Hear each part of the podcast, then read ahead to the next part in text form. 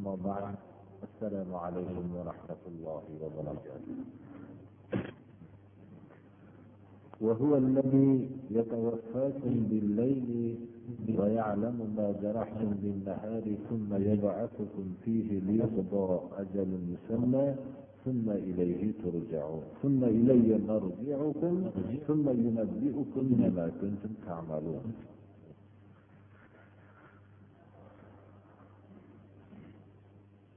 Alloh subhanahu va taolo insonlarni hayotda oxiratdagi bir namunalarning ba'zisini ko'rsatdi bu namunalar jannatdagi lazzatlarning namunasini ham bir bir agar agarki haqiqatda o'xshamasa ham suratda va qisman ba'zi bir lazzatlarni ko'rsatdi. Do'zaxdagi azoblarni ham ba'zi birlarini hayotda agarki haqiqatda o'xshamasa ham shularni ko'rsatdi. Shunga o'xshagan o'limning haqligida hech kim shak shubha qilmaydi. Bo'limni ham bir namunasini insonning hayotida bir ko'rsatdi bu uyqudir arablar o'zlarining hikmatli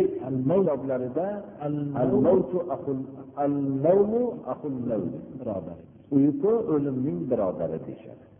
Haqiqatda ham haqiqatda ham qolgan kishi uxlab qolgan kishi agarki uning a'zolarini ba'zisi bo'lsa ham harakatda davom etib turgan bo'lsa ham shu muhitda muhitda shu muhitda nimalar sodir bo'layotganligini his qilmagan. aksar holatda his qilmagan holatda uxlaydi. Tursa shunday holatlar bu alloh subhanahu va taolo bu o'limga o'xshagan uyqudan turgizsa tashqaridagi alamlarni hammasini bo'lgan voqealarni birortasini his qilmagan holatda uyg'onadi alloh subhanahu va taolo boshqa bir suralarda alloh subhanahu va taolo sizlarni ruhiylarni olib qo'yadi. Agar xohlasa bu ruhiylarni jasadiylarga qaytaradi muayyan bir muhlatgacha. Kechqurunda uxlashlik bilan insonni ruhi olib qo'yiladi. Shu uyqudan xohlasa qaytarib bir ruhni kirgizadi xohlasa uni qaytarib bu jasadga kirgizmaydi.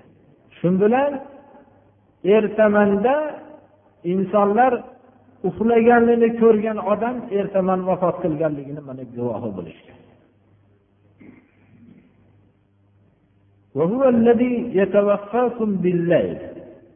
Olloh sizlarni kechada go'yoki uxlatib qo'yadi ya'ni vafot toptiradi.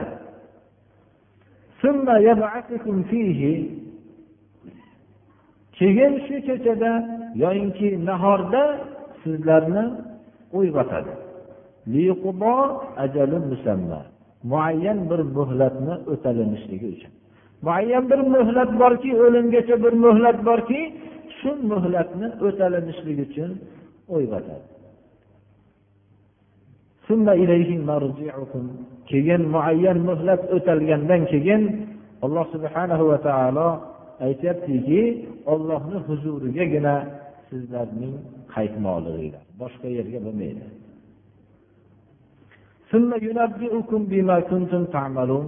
Keyin olloh sizlarni xabardor qiladi qilgan amalinglar bilan.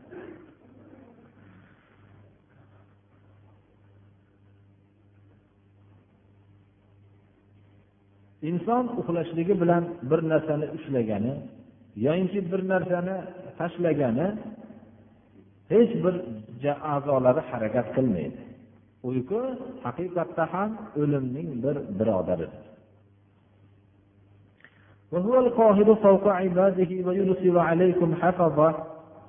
Ollohgina g'olibdir bandalarining ustida ya'ni hamma bandalarga g'olibdir. Sizlarni ustinglarga hafazo sizlarni himoya qilib yoyinki sizlarning qilgan amalinglarni hammasini saqlab turuvchi maloikalarni jo'natadi. Alloh subhanahu va taolo har bir bandani qilayotgan harakat va sakanotlarini hisoblab turuvchi maloikalarni jo'natib qo'ygan. حتى إذا جاء أحدكم الموت توفته رسلنا وهم لا يفرطون sizlarni bittalaringlarga o'lim kelgan vaqtda bizning elchilarimiz sizlarni vafot toptiradi bu olloh tarafidan buyurilgan vazifalarni o'tashlikda bu elchilar suskashlik qilmaydi olloh buyurgandek o'taydi ثم ردوا إلى الله مولاهم الحق ألا له الحكم وهو أسرع الحاسبين keyin olloh subhanahu va taoloiki haqiqiy mavlolari bo'lgan odamlarning haqiqiy mavlosi hojasi bo'lgan ollohga qaytariladi odamlar hukm ollohni o'ziga xosdir olloh hisob qiluvchilarning tezidir nihoyatda tez hisob qiladi. Odamlar o'ylamasinki odam alayhissalomdan tortib to qiyomatgacha bo'lgan bashariyatni hisobi qanday bo'lar ekan demasin bularni nihoyatda tez hisob qiladi. Hukm alloh subhanahu va taoloning o'ziga xosdir. Shuning uchun odamlar dunyoda haqiqiy hojalari kim ekanligini hukm kimga xos ekanligini dunyoda bilmoqliklari kerakki alloh subhanahu va taoloni o'ziga xosdir hukm. Alloh subhanahu va taoloning hukmigina hayotda yetakchilik qilishligi kerak. Insonlar hukmi bu jaholat hukmlardir hammasi. Hukm alloh subhanahu va taoloning o'ziga xosdir. Olloh odamlarning haqiqiy hojatidir. Ollohni o'ziga hukm xos bo'lib olloh odamlarni tez hisob qiluvchidir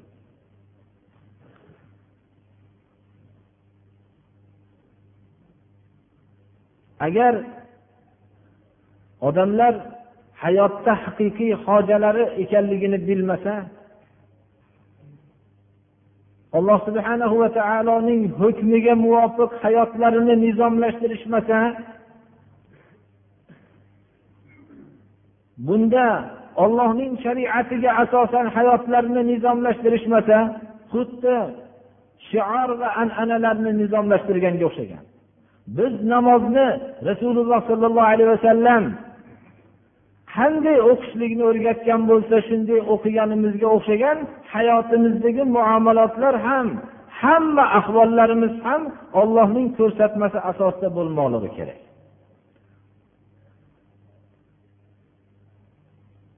Shu alloh subhanahu va taoloning huzurida hisob qilinadigan narsalarning eng birinchisi shudir. Lekin koinotda ollohni ollohligiga unab yerda ollohligiga unamasdan yashagan kishilarni alloh subhanahu va taolo bularni albatta azoblaydi koinotni ko'rsak hammasi alloh subhanahu va taoloning qonuniga muvofiq yuradi. Biror bir kishining qonuni bilan yurmaydi. Bu narsani aniqligida hech kim shak shubha qilmaydi. Ammo mana bu majburiy hayotdir bu. Insonning jasadlari ham bunda koinotdagi qonuniyatda bilan bir bo'lishlikda mushtarakdir. Lekin insonning ixtiyoriy tarafida bo'lgan hayotining nizomlashtirishlik ham allohni qonuniga muvofiq bo'lmoqligi kerak. Bu qonundan tashqariga chiqqanda insonning hayoti hammasi badbaxtlik hayotiga aylanadi. Mana bu narsani biz hayotimizda ham yaqin tarixda ham uzun uzoqroq tarixlarda ham hammasini guvohi bo'lib turibmiz xuddi koinotdagi qonuniyatdan birortasi izdan chiqadigan bo'lsa koinot yer vayron bo'lgan bo'ladi. Bu narsani aniqligida shak shubha yo'q. Insonlarning hayoti ham ollohning nizomidan tashqariga chiqishlik bilan ularning hayotlari barbod bo'lganligida mana shak shubha yo'qligini hozirgi odamlarning hammasi bilib turishdilar.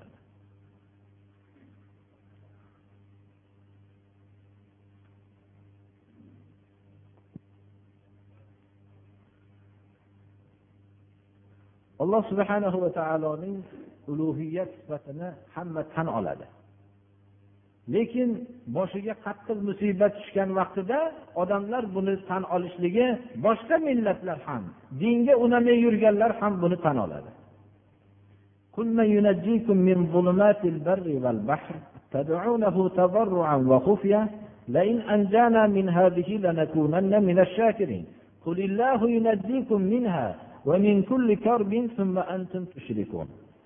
ayting ey muhammad alayhissalom sizlarni quruqlikdagi suvdagi zulumotlardan sizlarga najot beradigan kim? Xoh quruqlikda inson musibat qorong'iligida qolsa faqat kechaning qorong'iligi emas birodarlar. Musibatning qorong'iligi kechani qorong'iligidan qorong'iroq bo'ladi. Xoh suvda xoh quruqlikdagi bu qorong'uliklardan sizlarga kim najot beradi? Alloh subhanahu va taologa yolborib tovush bilan ham maxfiy ham duo qilasizlarki agar bizlarga shu musibatdan olloh najot bersa ollohni ne'matlariga shukur qiluvchilardan bo'lardim deb ta'kid bilan aytasizlar. Shunaqa vaqtlarda kim sizlarga najot beradi? Inson boshiga musibat tushgan vaqtida alloh subhana va taologa yolboradi. Xususan og'irroq bir musibat tushgan vaqtida shu musibatdan chiqsam men butun hayotimni boshqacha o'tkazgan bo'lardim. Yagona ollohni bandasi bo'lib yashardim. Ollohning ne'matlariga hammasiga shukur qilib yashardim deb ta'kidlab aytadi. Alloh subhanahu va taolo qul ayting ey muhammad alayhissalom shularga bu musibatinglardan olloh sizlarga najot beradi bundan boshqa musibatlardan ham najot beradi. Lekin sizlar boshqa mushrik bo'lib boshqa narsalarga sig'inib ketaverasizlar haqiqatda ham inson boshiga qattiq musibat tushgan vaqtida biror bir rahbardanga duo qilmaydi. Biror bir tog'u toshdagi mozorlarga duo qilmaydi. Biror bir daraxtga yo oftobga oyga duo qilmaydi. Yagona o'zingda san o'zingdan boshqa mehribonim yo'q deydi. Sendan boshqa menga yordam najot beradiganim yo'q deydi. Fitrat inson tabiati shunda haqiqiy qo'zg'aladi. Uning ustidagi shirk axlatlari hammasi tushib ketadi. Yagona o'zingsan o'zingdan boshqa panogohim yo'q deydi. Menga sen najot bermasang boshqa najot beradiganim yo'q deb yolboradi agar shu musibatimga najot bersang men seni ne'matlaringga shukur qilib yashayman deb va'dalar qiladi. Olloh najot beradi. Alloh subhana va taolo har birimizni hayotimizda nechi borlar najot bergan?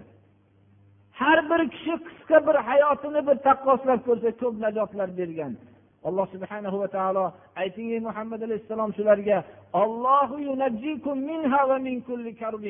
olloh sizlarga bu musibatdan najot beradi va bundan boshqa musibatlardan ham najot beradi. Lekin keyin sizlar boshqa narsalarga sig'inib ketaverasizlar ha aql bilan tadbir bilan ish qilsa shunday musibatdan qutulib ketadi deydilar. Falonchi rahbarga murojaat qilganimda ishimni butkizdi deysizlar yoyinki falon narsalar bilan men qutulib ketdim deysizlar alloh subhana va taolo mutlaq najot berganligini esdan chiqaradi banda. Ammo musibat qattiqlashgan vaqtida inson mening moli dunyoyim bor qutulaman demaydi. Inson mening tanish bilishlarim bor qutulaman demaydi. Inson mening quvvatim bor aqlim bor idrokim bor deb yolbormaydi. Inson mening mana bunday peshvo rahbarlar bor meni qutqarib oladi demaydi. Insonning olloh yaratgan toza fitratining ustidan shirk axlatlari tushib ketadida haqiqiy sig'iniladigan zotga sig'inadi. Hatto bunda hayotida mutlaq ibodat qilmaganlar ham shunday mushtarakdir birodarlar. Alloh subhanahu va taolo ba'zi bir musibatlar bilan insonga voqeiy bir haqiqatni bildirib qo'yadi. Yumshoq hayotlar insonni ko'p tarafdan buzib qo'yadi.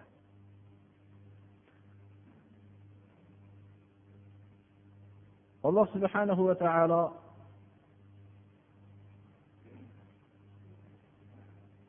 najotdan keyin ularga yetishligi mumkin bo'lgan ba'zi bir balolarga ishora qiladi قل هو القادر على أن يبعث عليكم عذابا من فوقكم أو من تحت أرجلكم أو يلبسكم شيعا ويذيق بعضكم بأس بعض انظر كيف نصرف الآيات لعلهم يفقهون ayting muhammad alayhissalom alloh subhanahu va taolo qodirdir sizlarga yuqori tarafinglardan azob jo'natishlikka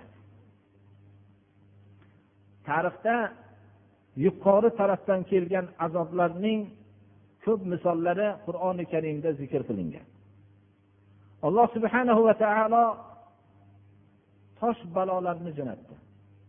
Alloh subhanahu va taolo yuqoridan yashin balolarni jo'natdi. Alloh subhanahu va taolo yuqoridan qattiq tovush balosini jo'natdi. Samud qabilasini sayha qattiq tovush yetdida hammalari toshga o'xshagan qatib qoldi shu yerda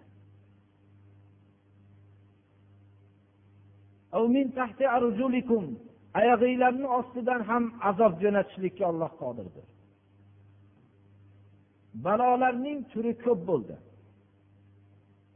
Qon balosi hasharotlar balosi baqalarning balosi alloh subhana va taolo banu isroilga jo'natdi. Qon balosi hammaning burnidan qon oqib ketaverdi. Hasharotlar chigirtka balosi hamma ekinni chigirtka. Oddiy alloh subhanahu va taoloning yaratgan bir oddiy bir kichkina hayvoni buni butun dunyoni shoshtirib qo'ydi.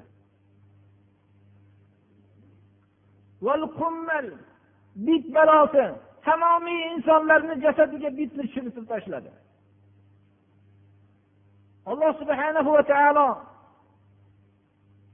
bizda baqa balosini jo'natdiki qayerga qarasangiz uyu hovliyu eshigu ovqat bo'lsin boshqa bo'lsin hamma idish tovoqlaru hamma narsani ichidan tovush bilan baqa chiqaverdi.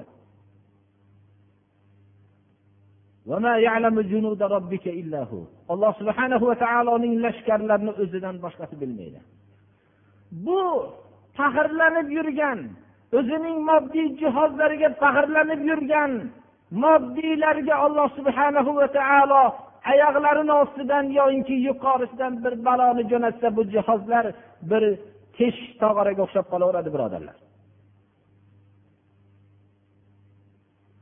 Ayting ey muhammad alayhissalom olloh qodirdir sizlarga yuqori tarafdan sizlarga azobni jo'natishlikka. Oyog'inglarni ostidan azobni jo'natishlikka qodirdir deb ayting. Mana bu azoblar tarixda ham bo'ldi. Mana hozirgi aytib o'tilingan narsalar ularning bir ba'zi bir qismidir.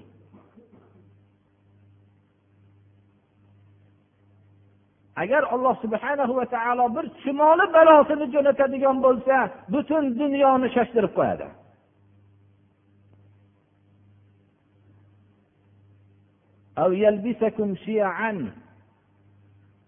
Yoyinki sizlarni toifa toifa qilib aralashtirib yuboradi. Bir biringlarga azob bir biringlarni azobiylarni tottiradi. Alloh subhana va taolo sizlarni toifa toifaga bo'lib tashlaydida bir biringlar bilan jang qilib yotaverasizlar. Kim bilan jang qilishlikni bilmaysizlarda bir biringlar bilan jang qilib yuraverasizlar. Alloh subhanahu va taolo mana bu baloni zamoni saodat xulafoi roshidin. Davrlardan keyin musulmonlarni ustiga mana bu balosini jo'natdi birodarlar. Bu shirk marazining qattiq bir jazosi bo'ldi. Alloh subhana va taoloning jo'natgan islom haqiqiy yo'lidan bosh tortib shirk balosiga giriftor bo'lishlikning achchiq bir jazosini islom millati tortib kelyapti shuni. Uzoq yillardan beri shu azobni tortib kelyapti. Musulmon millatlar hammasi bir birlarining balosini tortyapti. Alloh subhana va taolo sizlarni sof islom ummatini chiqarmasdan islom ummati deb atalgan toifalarni hammasini aralashtirib yubordi. Bu birodarlar haqiqiy islomdagi kishilar bilan haqiqiy islomda bo'lmagan kishilarning aralashishligi bir bo'lishligi bu musibatdir birodarlar. Alloh subhana va taolo o'zining najotini sof islom jamoasi vujudga kelmaguncha bermaydi.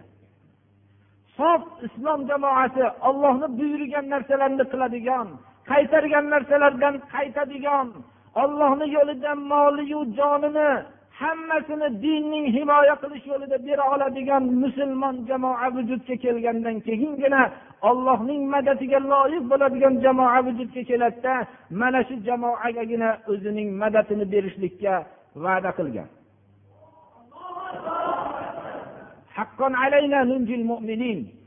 Mo'minlarga biz najot berishlik bizni ustimizdagi haq deb olloh va'da qilgan. Lekin haqiqiy mo'min jamoasi islomning uzun tarixidan beri hali vujudga kelmasdan kelyapti. Alloh subhanahu va taolo bizning mana shu kundagi bir tariximizda ham musulmon jamoaga butunlay aralashib ketayotgan holatni himoya qilyapti deb aytsak xato bo'lmasmikin? Bizning yaqin kundagi tariximizda birodarlar hatto din bilan umrbod kurashib kelayotgan odamlar ham oldiga qur'onni qo'yib endi biz mana bu qur'on bilan ish qilamiz endi deb qaysi bir o'ringa borgan bo'lsangiz shuni ko'rsatib turgan ibodatda bo'lmagan kishilar namoz bu ketuvda namoz o'qilmaydigan bo'lsa bir jarima solinarmikin degan tashvishda namoz o'qiyotgan kishilar soni ko'payib borayotgan edi. Lekin ularning qalblariga iymon kirmagan edi. Ular bu namoz ro'za tutishlik ham bir hayotning bir ziynati deganga o'xshagan bir oddiy bir narsa deb tushunib namoz o'qiyotgan edi. Qo'polroq qilib aytsak hozirgi vaqtda yoshing ulg'ayib namoz o'qimasang mahallada bir ziyofatga kirganingda hijolatlik olar ekan.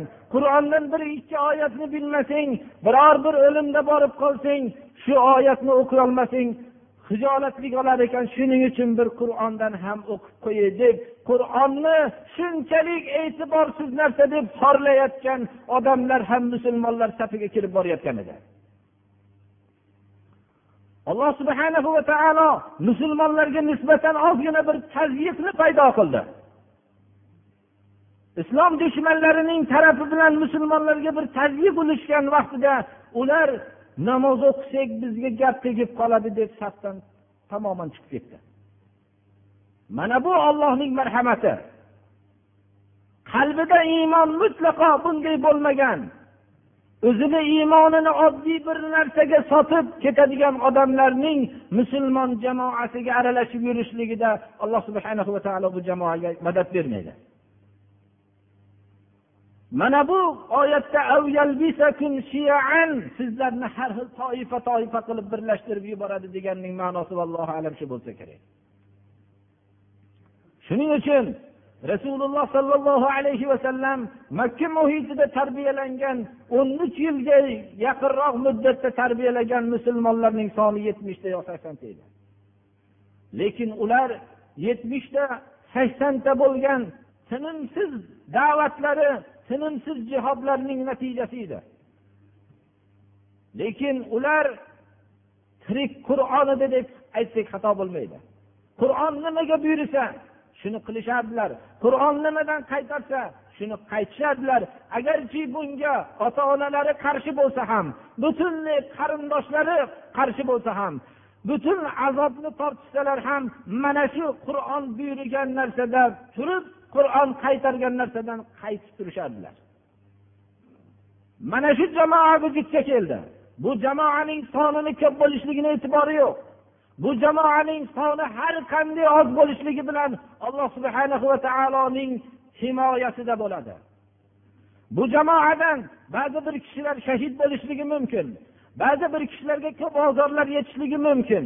Bu alloh subhana va taoloning o'zini hikmati bilan bo'ladi. Lekin oqibat shu jamoaniki bo'ladi. Shuning uchun ba'zi bir vaqtlarda musulmonlarning boshiga biror bir qiyinchilik yetib qolsa biz musulmon ediku nima uchun bu qiyinchilik yetdi? degan savollar bu islom mohiyatini bilmaslikdir birodarlar. Yo islom yo kufr.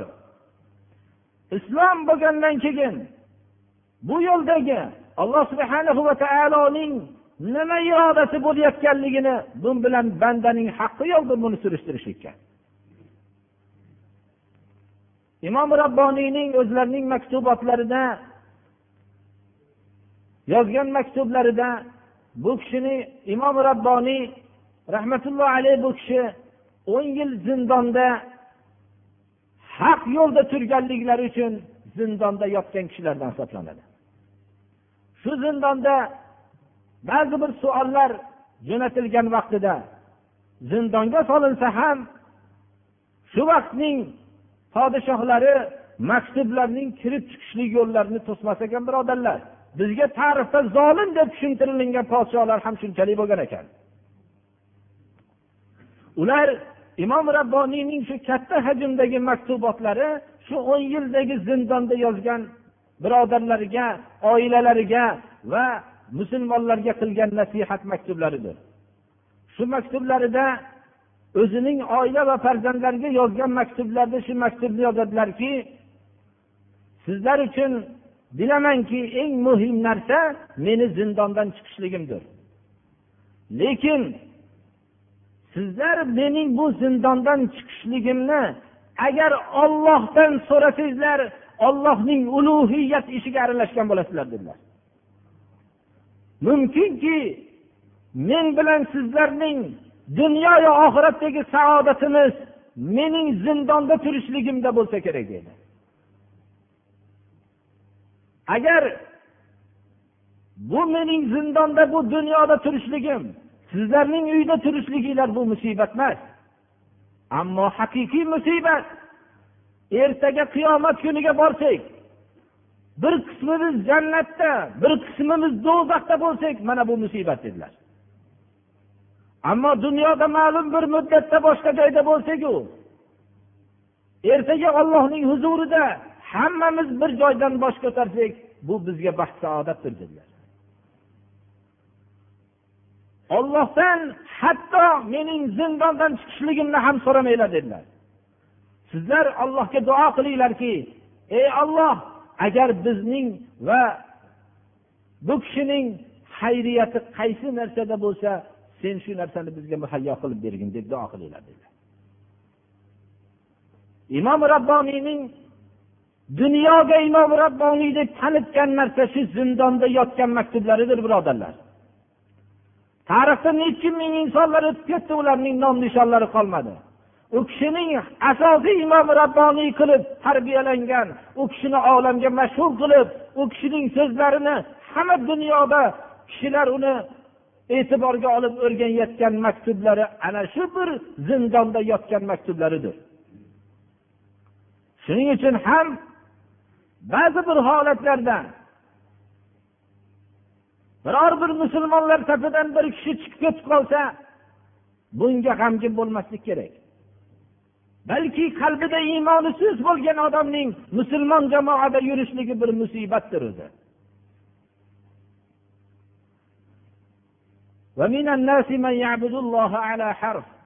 Ba'zi odamlar ollohga ibodat qiladi kasbga asosan. Agar bir yaxshilikni yetsa ha xayriyat ibodatimni barakoti yomon bo'lmayapti yaxshilik bo'lyapti deydi. Mabodo bir olloh tarafidan bir imtihon yetib qolsa e bu ibodatdan foyda yo'q ekan deb burilib ketaveradi. Ollohga bo'lgan ibodatni o'zining qilib yurgan kosibchiligiga o'xshagan deb o'ylaydi. Alloh subhanahu va taolo tarafidan mana bu oyatlar bizga ta'lim uchun tushgandir birodarlar. Undan tashqari musulmon millati deb atalgan xalqlar doim bir birining zararini tatib yashayapti. Bu islom haqiqatidan burilib shirk marazi tarafiga burilishlikning achchiq jazosidir.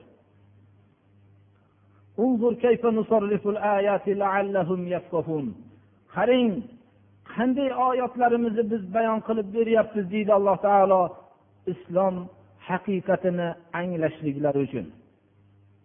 Alloh subhana va taolo bizga bu oyatlarni bayon qilyapti.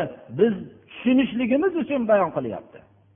Qanchalik daqiq suratda qanchalik ravshan suratda bayon qilib beryapti buni qarang.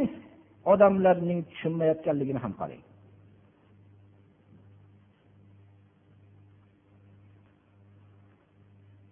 Shunchalik oyatlarni bayon qilib beryapmiz deydi alloh taolo ularning tushunishligi uchun.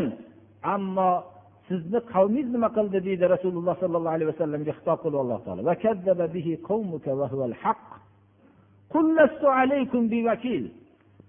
Bu haqiqatni qur'onni islomni sizni qavmingiz yolg'on dedi. Bu haq bo'la turib buni yolg'on dedi. Birodarlar rasululloh sollallohu alayhi vasallam qirq yoshlarigacha u kishini xalqlar muhammad amin deb omonatli kishi. Hatto umrlarida dushmanlari ham yolg'on gapirgan deb hujjat qilolmadi bironta bir hazillashib bo'lsa ham yolg'on gapirganliklarini eng ashaddiy dushmanlari bo'lib yashagan abu sufyon iymon keltirmagan vaqtida rum viloyatining podshohini oldida ham bu odam yolg'on gapirganmi desa mutlaqo yolg'on gapirmagan dedi. Ahdini buzganmi desa ahdini buzmagan dedi. Dushman guvohlik bergan narsa eng to'g'ri narsa bo'ladi. Dushmaningiz sizni ayblolmasa bu siz haqiqiy bir inson bo'layotganligingizni belgisidir. Chunki dushman sizning zarracha bir xatoyingizni istashga harakat qiladi.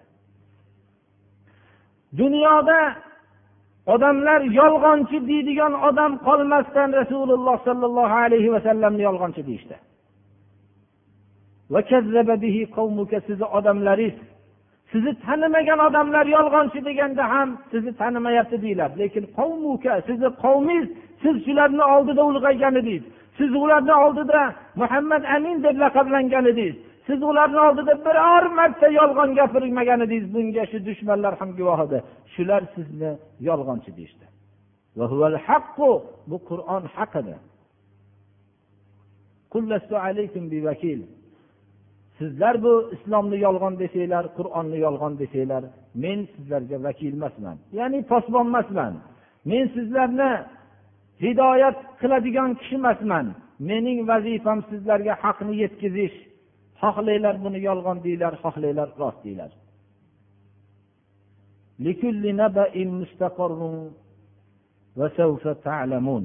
har bir xabarni ham o'zini bir qarorgohi bo'ladi. Bu bir ajib bir oyatki. Har bir doi bunga bilishlikka majburdir. Inson haq so'zni gapirayotganda bular kazzob bular yolg'onchi bular tuhmatchi deb shunday sizni sha'ningizda tuhmat qilayotgan vaqtda har bir gapning qarorgohi bo'ladi. Mayli sizlar ham yashanglar biz ham o'zimiz yo'limizda davom etaveraylik. Bu gaplarning haqiqatini kelajak ko'rsatadi. Bir joyga bu gaplar to'xtaydi. Yaqin kelajakda sizlar bu haqiqatni bilib qolasizlar deb shunday xitob qiling degan haqiqatda ham sha'nlariga tuhmat qilayotgan odamlar bu tuhmatlarning ham bir qarori bo'ladi bir to'xtami bo'ladi. Har bir narsa to'xtaydi. Bir kishi yurib ketayotgan bo'lsa ham to'xtaydi. Bir kishi uxlayotgan bo'lsa ham to'xtaydi ya'ni uyg'onib ketadi. Uyqu davom etavermaydi to'xtaydi. Kulish ham to'xtaydi kulavermaydi bir odam umrini oxirigacha. Boring umrini oxirigacha kulsa ham shu o'lib ham bo'lsa to'xtaydi. Bir odam yig'layotgan bo'lsa yig'lash ham to'xtaydi. Har bir gap ham to'xtaydi. Xursandchilik ham to'xtaydi g'amginlik ham to'xtaydi. Har bir xabarning ham to'xtami bo'ladi. Daraxtning ham o'sishligini bir to'xtami bo'ladi. Har bir insonning bo'yini o'sishligini ham bir to'xtami bo'ladi. Har bir xabarning qarorlanishligi bor. Mayli sizlar tuhmat qilinglar. Biz o'zimizni yo'limizda davom etamiz. Lekin bu so'zlarning bir to'xtami borki shunda bilasizlar sizlar deb doiy kishi shuni aytmoqligi kerak. Haqiqatda ham shunday bo'lmayaptimi birodarlar? Haqiqatda ham bir tuhmatlarning bir to'xtami bo'lmayaptimi? Haqiqatda ham rasululloh sollallohu alayhi vasallamning og'ir kunlarida bunda bu so'zni aytsa bu odam o'zini yupatyapti deb aytilgan bo'lgan bo'lardi. Lekin rasululloh sollallohu alayhi vasallamning yo'llarining haq ekanligi nechi ming yillardan keyin bu kishining o'tganlaridan keyin ko'rmagan bu kishining avlodlarini ko'rmaganlar ham u kishini ota onalaridan yaxshi ko'radigan holat bo'lmadimi mana? Har bir xabarning ham to'xtami bor. Lekin bunga bir qisman sabr qilishlik kerak kelajakda bilasizlar mana. Inshaalloh hozirgi musulmonlarning haqni xalqlarga tushuntiraman deb yozayotgan kishilarga qilinayotgan tuhmat bo'lgan xabarlarning ham to'xtami bor? Buni kelajakda bilasizlar buni.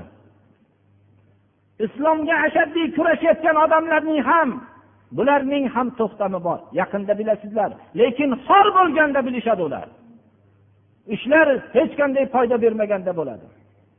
Hayotida din bilan kurashib turib musulmonlarning yuziga qarolmaydigan bir holatlar bilan hayotida yashab turib yana islomda mahallalarda shu mahalladagi musulmonlarning oqsoqoli bo'lib turib yashaydigan holatlarda bilishadi. Islom bilan kurashib turib islomga qarshi so'zlarni aytib turib hayotida xudosizlik bilan maoshlar olib o'zining hayotini o'tkazgan kishilar yaqinda o'zining dadasi vafot qilganda shu yomonlab yurgan odamlarning janoza o'qib bering deb borganda biladi. Shu xudosizlardan bittasini olib kelib dinga qarshi bo'lgan so'zlarni aytib dadamni ko'mbering demaydi. Qabrga borganda unda nihoyatda haqiqatini biladi. Alloh subhana va taoloning huzurida hisob kitobda qiyomat kuni do'zaxga o'tin bo'lganda bunda yaxshi biladi. Lekin bu vaqt o'tgan bo'ladi uni.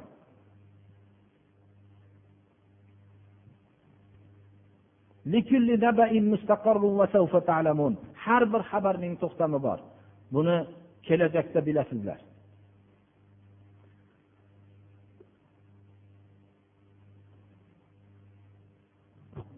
Bugungi mana shu darsimizni qalbimizga jo qilsin. Alloh subhanahu va taolo shunga amal qilishlikka alloh taolo tavfiq bersin. Alloh subhanahu va taolo dinga yordam berayotganlarga yordam bersin. Dinga zarar yetkazayotganlarga olloh kifoya qilsin. Alloh subhanahu va taolo dini islomga quvvat bersin. Alloh subhanahu va taolo yer yuzidagi mustazafinlarga alloh najot bersin. Alloh subhanahu va taolo qalbimizni iymon islom nuri bilan yorug' qilsin. اللهم أعز الإسلام والمسلمين وأذل الشرك والمشركين واحم حوزة الدين اللهم ألف بين قلوب المؤمنين في المشارق والمغارب واجمع كلمتهم اللهم عليك أعداءك أعداء هذا الدين وصلى الله تعالى على خير خلقه محمد وآله وأصحابه أجمعين yerdan bir ikkita savollar bo'libdi mana shulardan birortasiga bir duo qilinadiganlarga mana bu yerda savol qilibdilarki nikoh to'yini sunnatga muvofiq bo'lishini tushuntirib bergan bersangiz qiz tomonniki qanday o'g'il tomonniki qanday? Bu endi birodarlar bizni islomdagi nikoh to'yi bu shar'iy to'y bo'lib o'g'il bola tarafidan uyushtiriladigan ziyofatni valima deb ataladi. Kuyov tarafidan kelin tarafidan bag'ishlash o'zini kuyov tarafidan buni qabul qilish ikkita adolatli ya'ni mo'min guvoh asosida yo bir mo'min kishi ikki ayol mo'mina guvohligi asosida bo'lgan narsani nikoh deymiz. Deb mana darslarimizda aytib o'tganmiz. Ayollarga ularning haqlarini marhamat nuqtai nazaridan beringlar degan alloh taolo. Ya'ni men senga shuni berdim deb emas bizni islom dushmanlari mahrlarni qiz bolalarni pulga sotish deb tushuntirgan. Xuddi hozir qizlarini ular bekorga berishayotgandek. Islom qizlarini uzatilayotganligini ko'rsangiz u mana shu masjiddagi yigirma o'ttizta badavlat odamni qilgan narsalari yo'lda qolib ketadi. Kuyovdan talab qilgan narsalarni olib ko'rilsa. Yoinki bu mahrlarda islomni masxara qilganlar qizlarini biror narsa olmasdan turib berganda ina gaplarni isbot qilishgan bo'lardi. Lekin ularning farqlari shunchaki avvalgi berilgan mahrlarga bir necha ming barobar olib turib berayotganligi bilan farq qilishadilar xolos. Bu al mahru ala ma mahr qancha bo'ladi degan savolga ham javob shuki mahr kelin bilan kuyovning kelishgan miqdorini mahr deydi. Shuning uchun nikohdagi mahr aytilganda kelin tarafidan rozimisiz deydi. Bizlarning endi qizchalarimiz bunaqa narsani roziman mahr nima degan huquqlarni mutlaqo bilmaydi. Ular hech qanday islom bergan huquqlardan mahrum yashashadi. Chunki islomni bilmaydi ular. Ular butun kufr shirkni an'analarni bilishadilar xolos. Huquqlarni bilmaydi. Masalan bir mahr oz miqdorda bo'lishi ham mumkin. Rasululloh sollallohu alayhi vasallamni oldiga bir ayol kishi kelib meni nikohlarga qabul qilsinlar dedilar. Payg'ambarimiz sollallohu alayhi vasallam hayoli kishi edilar yerga qarab o'tiraverdilar. Shunda bir sahobalardan bittalari yo rasululloh menga nikoh qilib qo'ysinlar bo'lmasam meni oilam yo'q dedi shunday sahobalar jur'atli kishi edilar to'g'ri narsadan tortinishmasdilar. Shunda boshlarini ko'tardilarda biror narsa mahriga bormi dedilar. Yo'q dedilar. U bormi dedilar? Yo'q dedilar. Bu har narsani so'rasalar. Bir temirdan bo'lsa ham uzuging bormi dedilar. Yo'q dedilar. Qur'ondan bilasanmi dedilar. Bilaman dedilar. Qaysi suralarni dedilar. Bir ikkita uchta suralarni aytdilar. Bo'lmasam shu suranilarni shunga ta'lim berib o'rgatishligingga mahr qilib nikohlab qo'ydim sen bag'ishla deb qabulni o'rtadagi nikohni nima qildilar? U ayol shuni qabul qildi.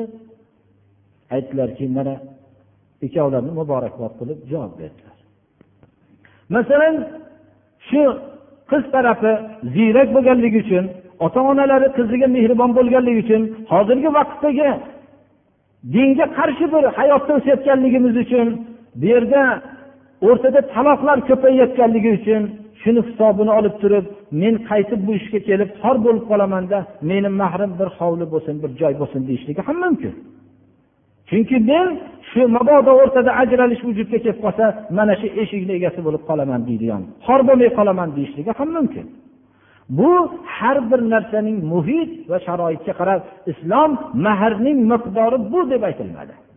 Mabodo nikohda mahr miqdori aytilmagan bo'lsa mahri misl ya'ni shunday oilada shunday diyonatda shunday jamolda shunday ko'rinishda yashay bo'lgan qizni mahri odatda qancha bo'layotgan bo'lsa shuncha bo'ladi. Joyga sarf qilaylik degan narsa bor birodarlar. Pulni joyiga sarf qilaylik degan narsa pulni shu mahrga berishlik alloh subhana va taolo beringlar ayollarga mahrlarini mehlatan marhamat nuqtai nazardan deganda ollohni buyrug'i deb o'rniga berishlikka harakat qilmoqlik kerak. Biz nikoh qilgan vaqtida berilgan guruch va qo'ylar shunaqa berishlar bizda odat rivojlangan bu narsalarni mahrga qo'shmaymiz. Chunki mahr shu qizning haqqi bo'ladi. Shuni ixtiyorida bo'lmoqligi kerak. Qizga berilingan shu kiyim kechaklar hammasi mahr bo'ladi. U o'tib ketgan ota onasiyu katta katta xolalariga berilgan narsalar bular hammasi mahrdan hisob bo'lmaydi birodarlar. U bir hadya bo'lishligi sovg'a bo'lishligi deb hisoblashligi mumkin. Mahr turmush qilayotgan qizning yo juvonning haqqidir bunga hech kim tajovuz qila olmaydi mulki bu qiziga olayotgan mahrni sarflashlikka aslida o'zi haqqi yo'q. Lekin anta va malika li abika sen va o'zing ham moling ham ota ona dadangnikisan degan hadis sharif bor. Ya'ni shunga asosan shu mulklar shuniki deyiladiyu lekin mahrga tajovuz qilinmagan yaxshiroqdir buni. Savob beriladi desa bid'at bo'ladi. Bir odam shuni qilayotib shu narsani biror bir yaxshi niyat bilan qilgan bo'lsa lekin shariatga xilof bo'lmaslik sharti bilan. Shariatga xilof bo'ladigan bo'lsa niyati har qancha yaxshi bo'lsa ham gunoh bo'laveradi alloh subhanahu va taolo ba'zilar duo qilinglar. Yangi mehmonlar bor dedilar. Alloh taolo mehmonlarni qadamlariga hasanot bersin. Alloh subhanahu va taolo hammalarini bu dardlariga shifo bersin.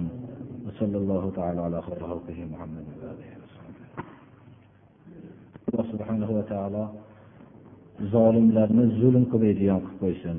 Mazlumlarni alloh taolo hammasiga najot bersin. Alloh subhanahu va taolo hammamizga insof bersin. Shuni duo qiling deb so'ragan ekanlar.